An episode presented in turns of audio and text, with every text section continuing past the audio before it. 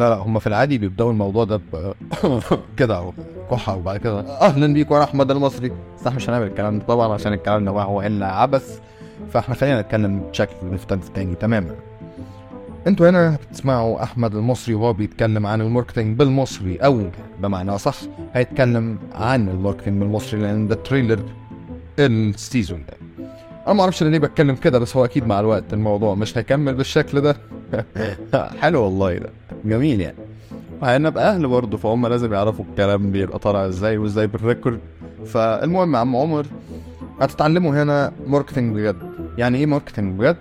ما إحنا ممكن نتعلم marketing بجد في أي حتة ومن أي مكان. ليه ما نروحش نتعلم marketing بجد من Udacity مثلا أو من LinkedIn أو من الكورسز بتاعت Meta كل الحاجات دي جميلة جدا وأنا اتعلمتها. معايا certificates منها بس هي مش ألطف حاجة. ليه مش ألطف حاجة محتواها العلمي عظيم لأبعد حد ممكن. بس على أرض الواقع الناس دي لما بتتعامل بتنقل تجارب ال marketing مع ناس عينيها خضراء وشعرها أصفر. ودول مش موجودين هنا في مصر. علشان تتعلم marketing صح تشتغل بيه في مصر فأنت لازم تتعلم ال marketing بالمصري.